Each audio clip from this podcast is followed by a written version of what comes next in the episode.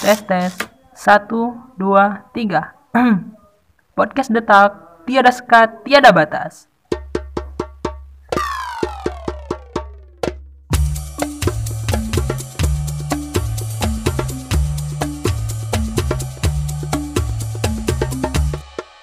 Assalamualaikum warahmatullahi wabarakatuh Halo Sobat Detak, selamat datang kembali ya di podcast tercinta kita yaitu The Talk Bersama aku Rosdita Amalia alias Bunga Yang sekali lagi akan membantu podcast kita pada episode kali ini Gimana nih kabar para Sobat Detak sekalian? Semoga sehat dan bahagia selalu ya Oke, hari ini kita akan belajar nih Tentang salah satu jenis tulisan di bidang jurnalistik yaitu features Nah, apakah Sobat-Sobat Detak sekalian sudah tahu nih apa itu features? Nah, bagi yang belum tahu nih, jangan khawatir karena kalian aku jamin bakal paham deh setelah dengar podcast hari ini tentang apa itu features. Setelah kita mendengar penuturan dari bintang tamu kita hari ini, kita say hi dulu ya. Hai Kak, boleh kenalan dulu? Oke, hai. eh, halo, aku Reva. Nama lengkapnya Nisa Noreva Sesa.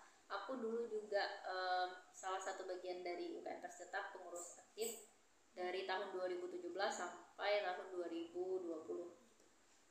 Oke, senang bisa berkenalan dengan Kak Reva ya.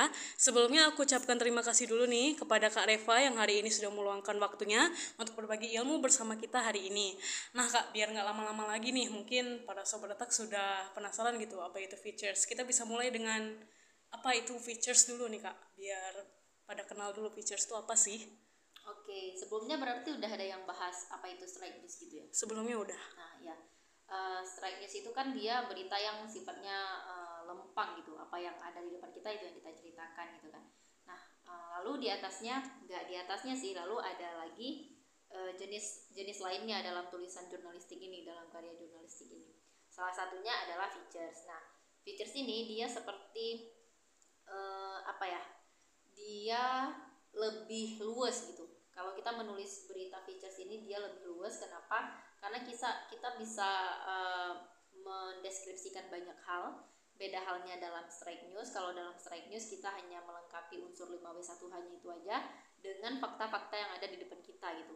Kita nggak bisa menjelaskan dia lebih panjang karena memang sifatnya strike news itu seperti itu. Dia fungsinya juga untuk memberikan khalayak ramai supaya cepat diberitakan gitu. Nah, features ini lebih memberikan kesempatan kepada kita untuk bercerita gitu. Karena sifatnya nanti eh, dia akan menghibur para pembaca. Menghibur kan bukan dalam artian hanya untuk membuat tertawa ya, untuk menimbulkan emosi lebih terhadap pembaca gitu. Apakah nanti emosinya dalam bentuk eh, tertawa atau sedih gitu kan, atau marah gitu. Nah, di tulisan features ini kita diberi kesempatan lebih untuk mengembangkan itu gitu. Jadi deskripsi biasanya lebih ditekankan dalam tulisan features ini.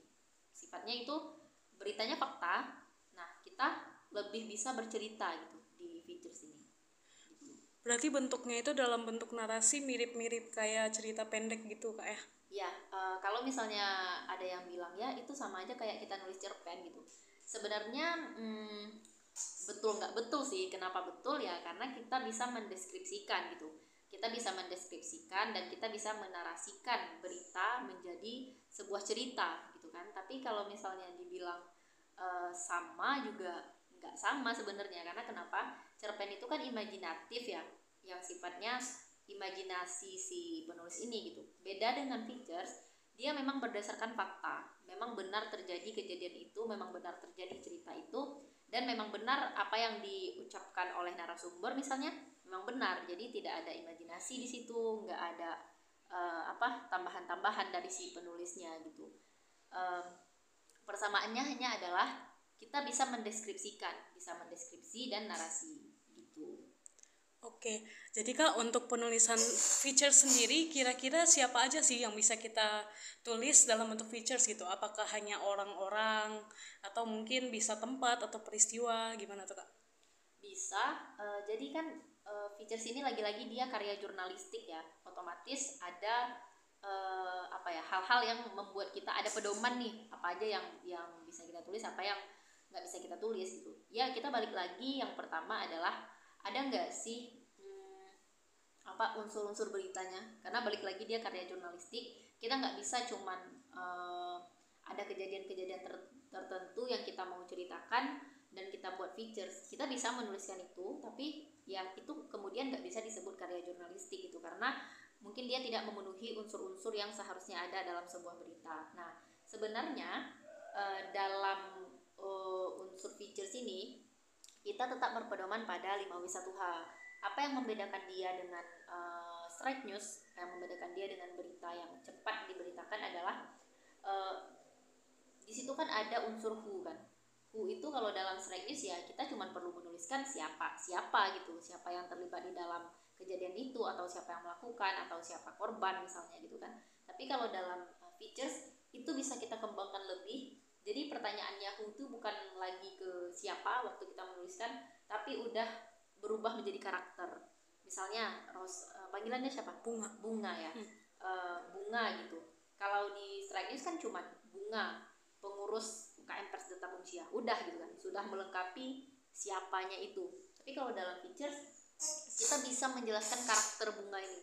Karakter itu kan bukan hanya dari ini ya bisa karakter fisik bisa karakter terserah apakah e, misalnya aku nih penulis features pertama kali aku ketemu bunga itu ternyata yang membuat aku tertarik langsung ngambil atensi aku adalah e, misalnya model jilbabnya beda hmm. nih dengan anak-anak sekarang gitu kan Nah, itu yang kemudian aku highlight. Jadi bunga ini bukan hanya sekedar e, namanya siapa dan jabatannya apa gitu misalnya, tapi lebih masuk ke dalam lagi ke karakter dia itu sebenarnya gimana sih. Nah, itu yang kemudian buat features ini e, apa ya, lebih luas karena kita bisa bercerita. Gitu juga dengan hmm, apa? Gitu juga dengan unsur-unsur lainnya misalnya kayak what, where, when, why sama how itu kemudian mereka bisa berubah menjadi alur, nah, jadi alur lalu where itu bisa berubah menjadi setting kejadian gitu memang dia niatnya itu kita akan diarahkan bercerita terus when-nya itu bisa menceritakan kronologi kronologi kejadiankah kronologi uh, apa terserah deh. Terus uh, why-nya bisa berubah menjadi motif lalu how-nya itu itu dia yang membentuk narasi kemudian gitu. Nah apa aja yang bisa kita uh, apa apa aja sih kak yang bisa kita tulis untuk feature gitu? Sebenarnya luas sangat-sangat luas gitu. Yang penting kita berpedoman e, balik lagi aja sebelum kita memikirkan ini kira-kira bisa ditulis nggak ya. Kita balik ke pedoman e, jurnalistik awal gitu. Nah apa yang bisa kita tulis? Ada nggak sih e, apa hmm, unsur human interestnya. Karena kenapa? E, suatu kejadian kalau misalnya tidak ada uh, unsur human interestnya apa yang mau kita tawarkan ke pembaca misalnya kayak gitu. Terus uh, kita bisa menuliskan biografi seseorang biografi seseorang itu bisa dijadikan features tapi bukan hanya uh, misalnya nama tempat tempat tanggal lahir segala macam.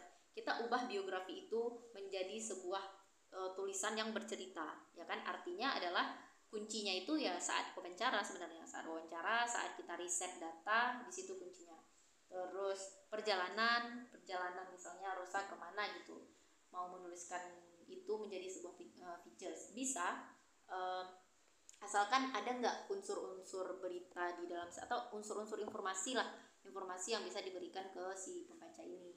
Sejarah uh, bahkan tips itu sebenarnya uh, juga termasuk ke dalam features tapi bukan tips yang hmm, apa ya tips yang uh, bahasa bahasanya lugas-lugas gitu sih. Enggak ada ada beberapa contoh yang bisa kawan-kawan lihat di media-media media-media mainstream sekarang yang lumayan bagus uh, contohnya gitu. Yang paling penting itu tadi ada deskripsi uh, dan narasinya gitu. Jadi narasi itu yang membungkus cerita yang di dalamnya diisi deskripsi-deskripsi kecil biar apa yang kita tuliskan itu lebih hidup dan bisa dirasakan sama si pembaca ini gitu. Oke kak, terakhir nih ya setelah kita tahu apa itu features dan apa yang bisa kita tulis di dalam features, kira-kira cara penulisannya nih kak, tahap-tahap penulisannya mungkin. Apa yang harus disiapkan terlebih dahulu begitu kak? Kira-kira gimana? Apa yang perlu kita persiapkan gitu ya? Dan cara penulisannya juga. kalau cara penulisan sih uh, features itu dia sangat ini dia nggak punya uh, apa itu pola pola kayak strike news. Kalau kalau strike news kan polanya hmm, ini ya uh, piramida terbalik gitu kan. Yang di atas itu adalah informasi paling penting. Tapi kalau di dalam features itu kita bisa terserah kita. Misalnya kita mau menuliskan apa duluan apa kita mau dari umum ke khusus dari khusus ke umum maksudnya adalah apa kita mau membuat cerita itu dari awalnya udah langsung kerucut ke permasalahannya kemudian baru kita ceritakan uh, ke bawah ke bawahnya gitu kan atau sebaliknya. Kayak kita dalam dalam penulisan bahasa Indonesia karangan bahasa Indonesia itu kan ada uh, deduktif dan induktif gitu kan. Tergantung kita mau pakainya yang mana apa dari umum ke khusus apa dari khusus ke umum. Nah selebihnya sih terserah si uh, penulisnya aja gitu Oke, kita sudah mendengar nih pemaparan panjang dari Kak Reva tentang features. Gimana nih para sobat detak sekalian, udah paham belum? Semoga sudah ya. Kalau sudah, ayo sekali-kali coba menulis ya, dijamin seru deh.